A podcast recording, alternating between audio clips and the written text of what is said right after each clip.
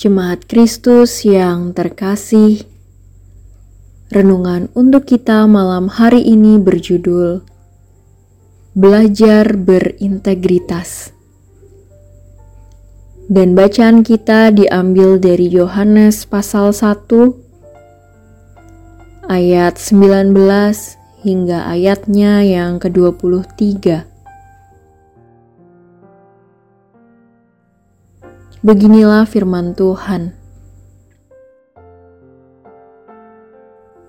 Dan inilah kesaksian Yohanes ketika orang Yahudi dari Yerusalem mengutus beberapa imam dan orang-orang Lewi kepadanya untuk menanyakan dia, "Siapakah engkau?"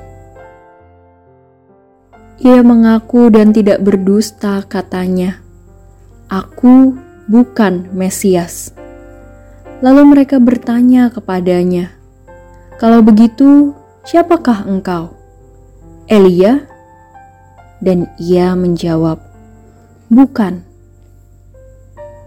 Engkaulah nabi yang akan datang, dan ia menjawab, "Bukan." Maka kata mereka kepadanya, "Siapakah engkau?" Sebab kami harus memberi jawab kepada mereka yang mengutus kami. Apakah katamu tentang dirimu sendiri? Jawabnya, Akulah suara orang yang berseru-seru di padang gurun. Luruskanlah jalan Tuhan, seperti yang telah dikatakan Nabi Yesaya.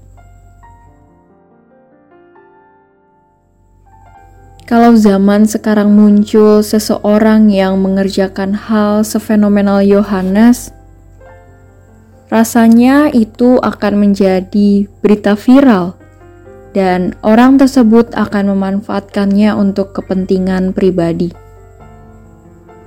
Apa yang awalnya baik bisa menjadi rusak karena motivasi seseorang bergeser demi kepentingan sesaat lain dengan apa yang dilakukan Yohanes Pembaptis.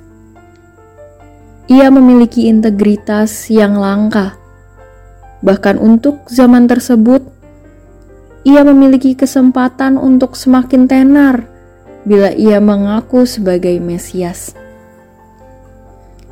Ia sudah menyatakan dan melakukan hal yang luar biasa, memiliki pengikut dan mendapatkan perhatian dari orang-orang penting pada zaman itu.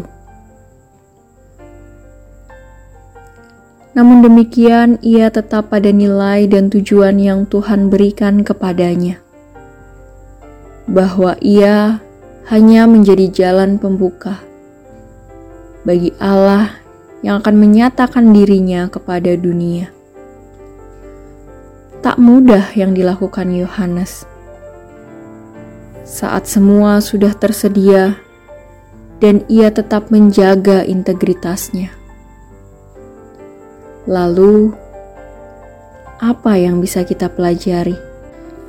Ada satu hal penting yang dapat kita petik, bahwa integritas bukan hal yang mudah dan hanya bisa dilakukan oleh orang-orang yang memiliki kebenaran di dalam hatinya.